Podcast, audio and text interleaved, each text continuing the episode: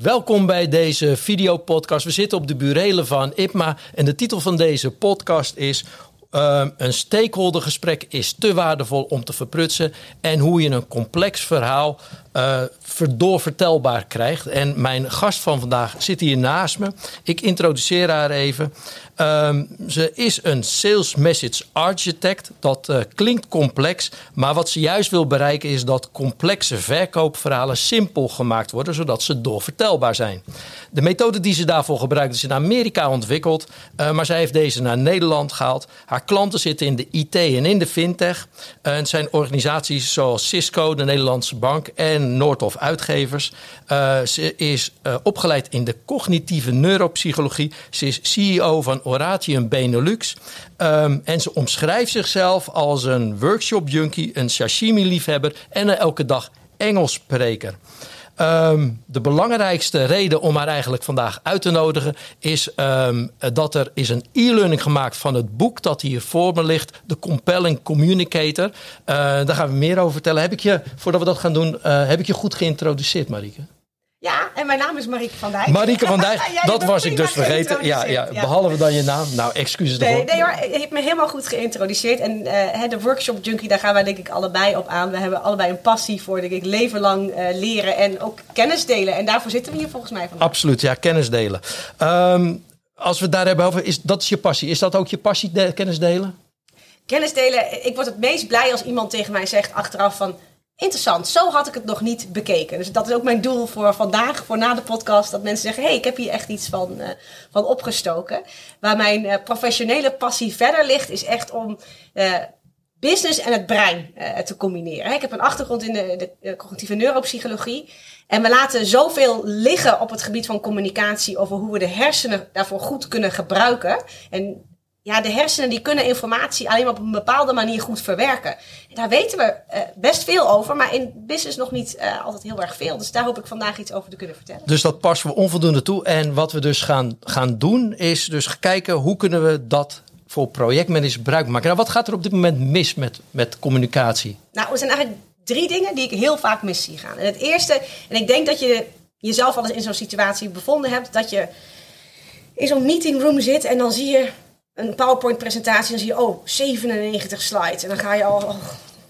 Uh, ik, ik, moet mijn schuld bekennen. Ik denk dat ik zelf wel eens een keer zo'n uh, sessie uh, georganiseerd heb. Ah, ja, jij ook. Ja, ik heb het verleden ook, maar dat is een groot probleem. Dus wat is het probleem? Te veel informatie. of dat nou vanuit enthousiasme is, of omdat we eigenlijk niet weten wat we moeten vertellen. Dus we vertellen maar alles. Maar we, over het algemeen, de grootste fout die gemaakt wordt, is we denken dat we meer kunnen delen dan we eigenlijk moeten doen. Nou, waarom is dat nou, hè, hoe heeft dat nou aan de hersenen gerelateerd? Informatie wordt uh, geprocessed in je werkgeheugen. Het zit hiervoor in je frontale kwab. Maar dat werkgeheugen is heel klein in verhouding tot je hele hersenpan. Daar kunnen maar drie tot vijf chunks aan informatie in. Je bedoelt echt nieuwe informatie die gezonden wordt? Ja, ja. Maar, en dat heeft niks met intelligentie te maken. Dat is gewoon een, een gemiddelde, hè, drie tot vijf. Uh, dat kan alleen maar verwerkt worden en dan moet daarna doorgestuurd worden naar andere delen van je hersenen. Oh, gelukkig. Ik dacht altijd, ik zeg het niet dat ik het kwijt ben, maar dat heeft iedereen dus. Dat heeft iedereen dus. Ah. Dus hou daar rekening mee. Uh, als je dus niet 97 PowerPoint slides, maar dat moet echt een stuk simpeler en een stuk uh, minder. Ja, maar dat is wel lastig, want projectmanagers, vooral als het gaat over grote complexe veranderingen, willen veel meer vertellen dan dat. Ja, maar dan, dan kun je je afvragen, wie is hier nou belangrijk? Ben jij als zender ja. belangrijk of is je publiek en hoe je boodschap overkomt uiteindelijk ja. nou belangrijk? Dus de tweede fout, ja. zendergeoriënteerdheid noemt het. Dus vanuit mijn perspectief vind ik alles belangrijk en ga ik dus alles uh, wil ik dan uh, overbrengen. Wat gebeurt er dan? Na die drie tot vijf chunks gaat letterlijk het ene oor in en het andere oor uit bij je publiek. Dus jij kan het wel vertellen, maar het wordt niet onthouden. Dus ja, dan heb je er nog niet zoveel. Dus als projectmanager of als gewoon als je wilt een boodschap ver vertellen, dan, maar dat is verschrikkelijk moeilijk, want dan moet je gaan verplaatsen in een ander. Ja, dat is inderdaad ook lastig. Je moet echt op de stoel van je publiek gaan zitten. Um, maar dat is wel het perspectief vanuit je, waar je verhaal uh, moet gaan doen. Dus de eerste is uh, uh, beperken tot een aantal kernboodschappen. Nou, daar gaan we het straks verder over hebben. De tweede is zorgen ervoor dat die boodschappen er ook nog eens goed begrepen worden, verplaats je in, je, in de ontvanger van Ja, de maak hem relevant eh, Maak- voor je ontvanger. Wat relevant is voor jou, is niet altijd relevant. Alle technische details die jij wil vertellen, is niet altijd relevant voor je publiek. Dus dat is de tweede fout, hè, dus die zendergeoriënteerdheid. En de derde is ja, te technisch. Eh, er worden veel... Weet je wat een, een DLA is bijvoorbeeld? Een DLA? Ja? Eh, nee. Een drie-letterige afkorting. Oh, ja, ja, de afkoos. Ja, daar heb je er vast eh, een aantal van, eh, ook in projectmanagementland. Eh heb je er een aantal Ja. die ik misschien nog niet ken? Nou ja, de, de- wat iedereen al noemt de SLA. Ik moest altijd denken, de SLA. De, SLA? de SLA, Service Level Agreement. Ah, oké, oké. En nog één? Ja, oh god, er zijn er zoveel dat ik nu een blackout krijg. Maar er zijn er heel veel. Ja. Ja. En oh, we zitten hier bij IPMA bijvoorbeeld alweer. Waar staat het eigenlijk voor? International Project Management eh, eh, Association. Maar het klopt, ja, we, we zijn eh, als met name IT zijn we er gek op. Maar ik denk dat er heel veel beroepsgroepen zijn waarin jargon zo vereenvoudigd is en in afkoos is samengevat. ja, dat is, een, dat is een serieus probleem. Hey, en als we nou die drie problemen, hè, want dit, dit zijn die drie. Als we die. Ja, maar er is eigenlijk nog een vierde probleem. Waar Oh. naartoe leidt. Ja, ik zag je al zenden. Ja, waar dat toe leidt is dat je verhaal niet doorvertelbaar is. Want het komt niet aan. Als jij het niet begrijpt, kun je het niet daarna ook doorvertellen. Ja. En dat is extra belangrijk geworden. hè. We hadden al in de ondertitel staan. Hoe maak je een complex verhaal doorvertelbaar? Nou, wat is überhaupt doorvertelbaarheid? Eh, Het is niet een correct Nederlands woord. Wij hebben het verzonnen. Ja. Maar wat we zien is, we communiceren elke dag. En soms is het heel belangrijk en soms is het niet zo belangrijk. Maar er zijn situaties waar jij met stakeholders zit. Ja, dan wil je wel dat mensen iets gaan doen, toch? Met de communicatie eh, die je hebt. Er moet actie eh, ondernomen worden. Een project moet omarmd worden. Er moeten nieuwe dingen gebeuren. Dus we hebben een heel duidelijk doel met onze communicatie. Nou, wat we zien is dat ehm, de groep stakeholders, eh, met name in de sales, eh, verdubbeld is de afgelopen vijf jaar. Dus waar je vijf jaar geleden nog gemiddeld eh, vijf stakeholders had die je moest overtuigen, Ja. is, is- wijst onderzoek van Gartner nu uit dat we al richting de elf eh mensen Elf stakeholders, ja, ja, ja. Elf stakeholders. Dus, is- dus dat, is, dat kan aan de beslistafel zijn bij een executive team, kan bij andere stakeholders zijn. Dat betekent dat je bijna twee keer zoveel mensen moet overtuigen van jouw verhaal. Dus er zijn, er zijn elf mensen, in, of elf stakes eh, eh, in wie ik mij moet gaan eh, verplaatsen om een boodschap over te krijgen. Nou, dat maakt het dus al in- ingewikkelder. En je hebt ook niet altijd toegang tot al die stakeholders. Dus ik heb nu toegang tot jou. Maar ga jij mij ook nou uitnodigen bij die stakeholdertafel? Waarschijnlijk niet. Dus nu ben ik afhankelijk van jou. En hoe goed jij mijn verhaal straks door kan vertellen aan die stakeholders die het wel moeten horen, maar waar ik niet direct toegang tot heb.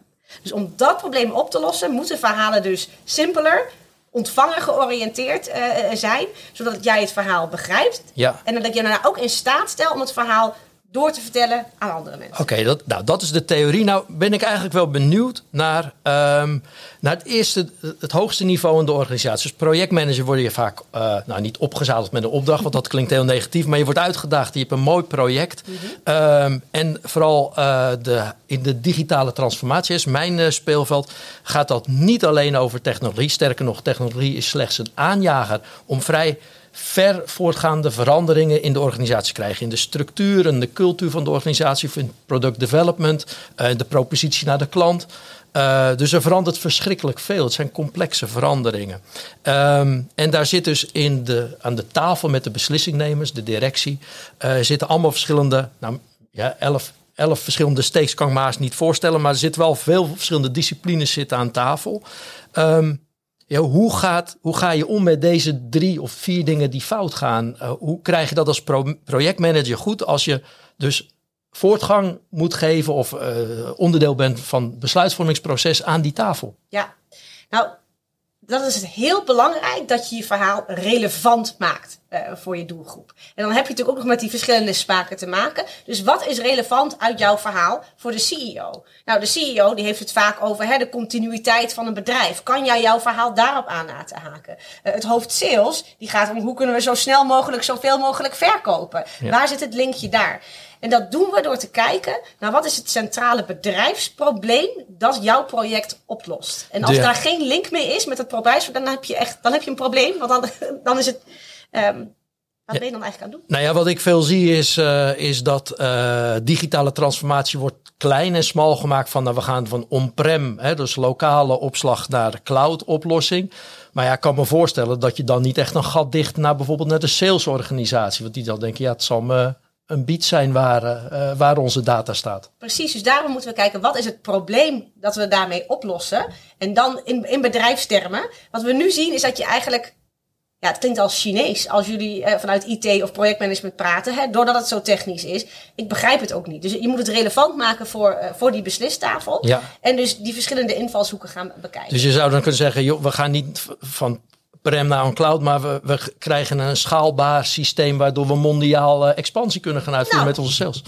Al heel anders. Hè? Ja, ja. En dat is wel heel belangrijk dat je daar dus ook de tijd voor neemt in je verhaal. En zegt, dit is wat we aan het oplopen. Dit is de, de uitdaging waar we tegenaan lopen. hey, als CEO zijnde, uh, dit is hoe het de bedrijfsvoering beïnvloedt. Heb je daar nog dingen aan toe te voegen? Dus neem echt je tijd om dat probleem uit te pakken, uh, noem ik het in de praktijk. Dus wie doet dit probleem pijn en op welke manier? Daar gaan we eerst over met z'n allen in, uh, in discussie. En dat is echt het fundament waarop de communicatie gebouwd moet worden. Ja, dat, nou, als ik daar zo over nadenk, dan begint dat eigenlijk niet op het moment dat de projectmanager zijn uh, opdracht krijgt, maar, of uh, de, de, gaat voortbespreken. Maar dat is het moment dat de kaders van dat project vorm krijgen. Dus die gedachte, dus die manier van communiceren moet, communiceren, moet eigenlijk al onderdeel uitmaken van de opdracht, want dan kun je ja. daarop terugvallen. Ja. Correct? Absoluut. En dan is het dus echt aan jullie nu de nieuwe taak om dat uit te vragen. Dus niet gewoon maar klakkelen als, oh, dit moet we gebeurd worden. Nee, maar wat probleem welk klantprobleem, welk bedrijfsprobleem lost dit nou op? Dan hebben we niet altijd zelf het antwoord op. Dat antwoord moeten we eerst gaan verzamelen. Dat we alle neuzen dezelfde kant op hebben. Zeggen, dit is het bedrijfsprobleem dat we oplossen. Ja, dus wat een, een projectmanager uh, kan doen, of een programmamanager kan doen, is enige mate van assertiviteit op het moment dat een project wordt aangenomen. Die zegt, hey, wat, wat gaan we hier eigenlijk mee bereiken? Ja. En, en wat zeggen al die verschillende stakeholders en beslissingnemers? Wat zeggen die daarover en wat verwachten ze van? En ben ik in staat om dat te begrijpen? Ja, ja, volgens mij komt dat uit de consultancy ooit ook hoor. Dat een, een voormalig CEO van uh, een bedrijf waar ik werkte zei altijd: er is niks belangrijkers dat wij als consultants kunnen doen dan een bedrijf zelf in te laten zien waar hun probleem nou ligt. En als je dat eenmaal helder hebt, volgen daarna uh, die stappen wel. Dus beginnen bij het probleem is het allerbelangrijkste wat je kan doen als, uh, als projectmanager. Maar daarmee ben je er natuurlijk nog niet. Ja, start with the why zou Simon zijn ik zeggen. Ik bedoel, die, die ken jij ongetwijfeld. Ja, de golden circles van, van Simon is inderdaad waarom doen we bepaalde dingen. En daar af en toe naar terugkeren. En Ja. zeker in het begin dat goed vaststellen is heel belangrijk. En, en, en wat is, wat we hadden in de voorspreking zei, ja, dat is wel een beetje, maar wij, ik, wij, wij doen nog iets anders erbij. Wat is, wat is contrast? Nou, het contrast is dat Simon veel meer zit op het waarom en de, um, ja, de droom uh, die daarbij hoort, de positieve insteek. En dat is heel mooi. Maar wij zeggen vanuit de hersenwetenschap, hersenen houden heel erg van contrast. Dus als je begint met wat is nou het probleem, zodat we uiteindelijk die droom kunnen bereiken, dan zorg je ervoor dat de hersenen in actiemodus komen. Want een probleem moet opgelost worden. Ja. Een droom kan je wel verwezenlijken, maar als dat vandaag niet gebeurt, is dat niet zo erg. En in een business context ja, willen we toch wel graag actie. Actie, en ja. snel. Ja, dus, dus om het uit de droom te halen, want dat is iets wat je ja, zou, zou kunnen wensen, maar om echt een bepaalde urgentie toe te voegen, uh, heb je dus uh, een, een ander mechanisme nodig dan de, de Golden Circle. Ja, en, en ons advies is dus in het begin bij dat probleem, pak dat uit. Uh, en ik zei al, je wil actie uh, met je communicatie. Ja. Dus vervolgens ga je dan, uh, nog even een andere management guru, Stephen Covey, die zei al, begin with the end in mind. Ja. Dat is dan de volgende stap in communicatie. Dat je gaat kijken, oké, okay, ik zit met het managementteam. Wat moeten ze nou doen als ik klaar ben? Is het alleen maar informatie overbrengen? Nee, je wil dat ze iets gaan doen. Moeten ze toestemming voor iets geven? Moeten ze je budget geven? Moeten ze mensen beschikbaar maken? Wat is het dat ze moeten gaan doen ja. nadat je klaar bent? En als je dat gedefinieerd hebt, gaan we vanuit daar terug redeneren. Wat moet het managementteam dan geloven om die actie ook te ondernemen? En dat is wat wij dan big ideas noemen, of inzicht. Welk inzicht moeten ze hebben om ja te zeggen, tegen jouw actie? Want in hoe het menselijk brein werkt en hoe uh, is in om actie te nemen, actie wordt voorafgegaan aan geloof. Als ik iets geloof, dan ga ik het ook doen. Als ik het niet geloof, dan ga ik het niet doen. Ja. Oké, dus uh, de, interessant. Dus je hebt het over. Uh, je moet iets geloven en je moet een big idea hebben. Um, ja, dat, dat klinkt, bijna filosofisch dit. Uh, Filosofie kan ook heel praktisch zijn. Dus we zeggen, om nog even het verhaaltje af te maken. Dus we beginnen bij die actie. Wat moet ik geloven om, om ja te zeggen? Um, vervolgens ga jij mij niet alleen op mijn mooie groene ogen uh, geloven. Moet ik dat natuurlijk wel illustreren. Waarom moet je dan uh, geloven dat we nu afslag aan moeten nemen? Ja. Nou, dat is, en dat kan je door storytelling doen, hè, door visuals, door data. Uh, het moet natuurlijk wel onderbouwd worden wat we aan het, aan het doen zijn. D dit lijkt me heel nuttig om binnen het projectteam toe te passen. Om, om ervoor te zorgen dat de, hè, dus een, even, even het, het, het echelon lager, niet meer de, de, de beslissingnemers, maar binnen het team. Om daarvoor te zorgen dat je gecoördineerde actie krijgt. Om ervoor zorgen dat iedereen hetzelfde idee, iedereen in dezelfde film zit. Nou, dat. En hè, ik zei al, je werkgeheugen is klein. Er kunnen maar een bepaald uh, aantal chunks aan informatie in. Daarom zeggen we ook drie, max vier uh, big ideas. Want anders Ja. past het gewoon niet Ja. meer. En die werken dan ook als een soort zeef. Want alles wat je daarna in je presentatie of in je verhaal wil stoppen, moet ten dienste staan van een van de big ideas. En als het dat niet is, of als het een, een verdubbeling is, je hebt eigenlijk al een plaatje dat hetzelfde zegt, gaat die andere naar de appendix. Die gaat niet in je eh, eh, grote verhaal. Dus dat is ook nog wel leuk om te zeggen. Want je zei, hey, we willen alle details vertellen. Dat mag. Maar niet in je verhaal zelf. Dus we gaan in je verhaal zelf naar de grote ideeën kijken. Ja. En daarna hebben we zoiets dat een appendix heet. Daar mag alle details mogen allemaal daarin. Die heb je achter de hand. Voor als je die moeilijke vragen krijgt, die er altijd hè, in je publiek zit, altijd iemand die dan weer zo'n moeilijke detailvraag heeft. Ja. Prima. Dus- staat op eh, slide 44 in je appendix. Dus die zijn niet verboden, alleen je zit er niet, ze maken geen deel uit van je presentatie. Eh, in de call to action, als je het dus hebt over je projectteam, eh, dan moet je informatie hebben, maar je moet het eigenlijk beperkt houden tot die grote ideeën en ervoor zorgen dat mensen ook eh, zien wat het contrast is van waar vertrekken, wat is A en wat is dat doel waar naartoe gewerkt wordt. Ja. Vat ik dat goed samen? Dat vat je hartstikke goed samen. En dat is dus hoe hersenen werken. Ik zei, hersenen kunnen informatie maar op een bepaalde manier eh, eh, verwerken. Nou, zonder te veel de, de technische details in te gaan hier. Ehm acontextuele feitjes kunnen we gewoon niet zo goed onthouden. Ga maar na als je voorgesteld wordt aan een grote groep mensen. Wat gebeurt er 30 seconden nadat het is gebeurd? Ja, ik, ik, de eerste naam eh, zit er nog in, maar daarna begin ik ze langs. we weten het niet. Nee, nee, nee. Wat gebeurt er? Die naam gaat je oor in. Die zoekt naar context in je hersenen. De hersenen zijn een soort klittenband. Weet je? Dus die zoeken naar een haakje. Als dat haakje er niet is, dan plakt het dus niet. Je gaat, valt ongeveer je andere oor weer uit. Ja. Tenzij, nou, eh, ik heb een oom die Sander heet. Hij heet oh, nu heb, kan ik wel een connectie maken. Dan blijft die plakken. Ja. Dus dat is hoe hersenen werken. Dus A, contextuele feitjes blijven niet zo goed plakken. Wat blijft nou wel goed plakken? Een idee. Want een idee is een chunk. Daar kan ik allemaal ideeën aan vastplakken. En dat vinden je hersenen heel erg fijn. Ja, maar dat, komt- dat komt bij het volgende onderwerp wat ik met je wilde bespreken. Dat is namelijk de communicatie naar de andere stakeholders. eh, zeg maar de mensen die werken in de organisatie of klanten die geïnformeerd moeten worden over de voortgang van het project. Of wat de impact is of waar de lessen zijn en dat soort dingen. Eh, of trainingen. Ehm, daar moet natuurlijk, elk project kent een communicatieplan. Ja. Eh, soms is het papieren tijger. Eh, ja, je kent het wel. Ja. Eh, maar soms wordt er ook gewoon in dat plan wordt er gewoon eenzijdig worden e-mails de wereld ingestuurd. Ehm, hoe kan een projectmanager nou voor zorgen dat dat complexe verhaal, dat daar genoeg van die haakjes in zitten dat het blijft hangen? Ja, nou, het mooie is dat de discipline in het denken hetzelfde is als voor de beslistafels. De stappen zijn hetzelfde en dat is weer voorkom die zendergeoriënteerdheid. Dus wat heeft een medewerker of iemand die eh, zich op moet geven voor een training, wat is daar nou belangrijk voor? Dus niet vanuit jezelf gaan denken, ik, ken, kost al die kennis, sorry, maar Ja.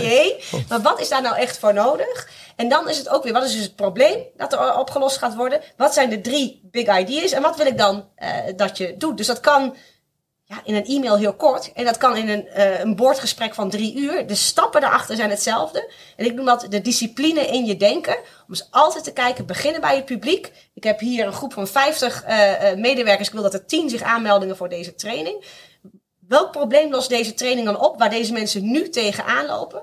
Daar begin ik mee. Wat moet ik geloven eh, eh, voordat jij ja zegt? Nou, dat het een hele goede training is. eh, dat het niet zoveel tijd kost. En dat je daarna een certificaat krijgt. Ik noem maar Ja, iets. ja. Hè? Dus daar, en dat ga ik dan uitleggen in die e-mail. Dan zeg ik, nou, schrijf je in voor deze training. Dus dat betekent eigenlijk dat je moet zeggen van elke keer als je naar buiten zendt, zorg voor een soort buy-in, noem ik dat dan. Dat, Ja. dat mensen zeggen, oh, hier, er, zit wat in voor mij, ik, ik kan hier wat mee. Ja, Is, is zoiets te testen? Want vooral als je naar grote groepen moet communiceren, je kan dat niet proefondervindelijk. Hè? Je moet ook heel goed letten op de betrouwbaarheid en Ja. de integriteit van de informatie die je zendt. Is, zijn daar instrumenten voor? Ja, mensen, maar niet de mensen eh, in je organisatie misschien of in je projectteam. Eh, wij noemen dat de frisse blikken. Eh, ga eens testen bij iemand die niks weet van jouw organisatie en je project. En ga eens vragen, wat neem je nou mee uit deze communicatie? Geef ze maar een rode stift of we doen het online. Zeg, Ja. wat neem jij nou hieruit mee? Ja, helder. Nou, ja, dit is dus ik heb nu van je geleerd dat er ehm, eh, dat je beperkt, dat je moet, echt moet terugbrengen naar de essentie als je gaat communiceren. Vertaal, verplaats jezelf in de ontvanger. Ehm, en en eh, eh, zorg ervoor dat er een bepaalde urgentie is voor de ander. Ja. En, en dat iemand er ook aan kan refereren. Dus dat er een context bestaat. Dat geldt eigenlijk voor alle groepen waarmee je communiceert. Zowel binnen je projectteam als eh, de beslissingnemers, als de mensen buiten het project die geraakt worden. Ja, Ehm, nou, dit is in drie zinnen wat ik geleerd heb nu van je. nou dat is de doorvertelbaarheid. Goed geslaagd. Ah, Oké, ja, ja. gedaan. Eh, Ja, we, kunnen dit nog toetsen trouwens, want eh, ja, dat is misschien al straks aan de, aan de afsluiting wel leuk. Ehm, ehm, waar ik wel nieuwsgierig naar ben, is wat is er blijven hangen bij de luisteraars, de kijkers van dit eh, stuk. We verspreiden deze video's en teksten via ehm, eh, allerlei kanalen. En dus mogelijk om daar comments onder te plaatsen. Wat ik dan eh, de, de kijker of de luisteraar wil oproepen is van eh, schrijf eens onder welke big ideas hè, Ja, wat neem je mee? blijf, zijn blijven hangen. Zijn er dingen waarvan je zegt, nou, dit is toch wel iets wat ik nog heel graag wil, wil delen met de kijkers? Iets, Ja, nou even in, in samenvatting, we hebben gezegd, wat gaat er nou mis? Te veel informatie, te technisch en te zender georiënteerd. Lastig, want we moeten een verhaal doorvertelbaar maken, omdat die beslisgroepen zoveel groter geworden zijn. Hoe los je dat nou op?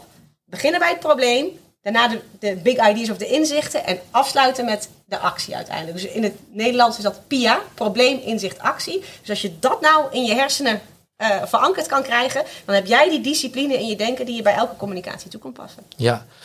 Nou, ik kan me voorstellen, want wij kunnen nog uren doorpraten, maar eh, er is verschrikkelijk veel content beschikbaar eh, voor eh, de projectmanagers die zich dit echt uh, dit communicatiestuk willen integreren in, in, de, in de projecten. En ja, hoe belangrijk is communicatie voor projecten? Ja, essentieel. Zonder communicatie geen impact. Nee, ik ben het daar uh, helemaal mee eens. Uh, er wordt ook in het boek uh, over digitale transformatie wordt er veel aandacht gegeven aan communicatie en het vormen van groepen, maar veel meer is er te halen uit het boek The Compelling Communicator. En je begon er al over. er is nu een e-learning over dat stuk en dat is denk ik wel een goede tip voor de luisteraar en kijken naar deze podcast. Ja, dus als je van lezen houdt, zou ik zeggen, koop het boek. Beschikbaar via Bol en waar je het al wil halen. Uh, maar als je zegt, nee, ik ben meer een andere vorm van leren, is de e-learning ja, een hele mooie vorm daarvoor. En het, het fijne is dat de foundations voor sales messaging en de foundations voor executive messaging gratis beschikbaar zijn voor de luisteraars of kijkers van, van deze podcast. Dus ik mag niet alleen nu dit van je geleerd hebben, ik kan ook aan de slag met je de e-learning. Je kan ook echt aan de slag op thecompellingcommunicator.com. Dat is een mond vol, dus die zetten we even in, in de show notes. Als je op die link klikt, kun je inschrijven voor de gratis foundations. Mocht je daarna zo enthousiast zijn, eh, ik zal eerlijk zeggen, daarna zijn er ook betaalde versies. Maar met die gratis versie kom je denk ik al een heel eind. Dus ik vind het heel leuk. We hebben dat deze week gelanceerd, dat we dat nu hier als eerste bij jullie aan tafel aan mag bieden. Oh, fantastisch. We hebben er gewoon een primeur vandaag. Nou, dankjewel voor het brengen van die primeur. Voor alle informatie die je met ons wilde delen. Ik heb het heel erg uh, leerzaam en waardevol gevonden. En ik hoop uh, de luisteraars ook. Ik wil de kijkers en luisteraars van deze podcast uh, bedanken. En alvast wijzen op de volgende podcast die gaan komen. Dankjewel. Jij ook bedankt, Marieke.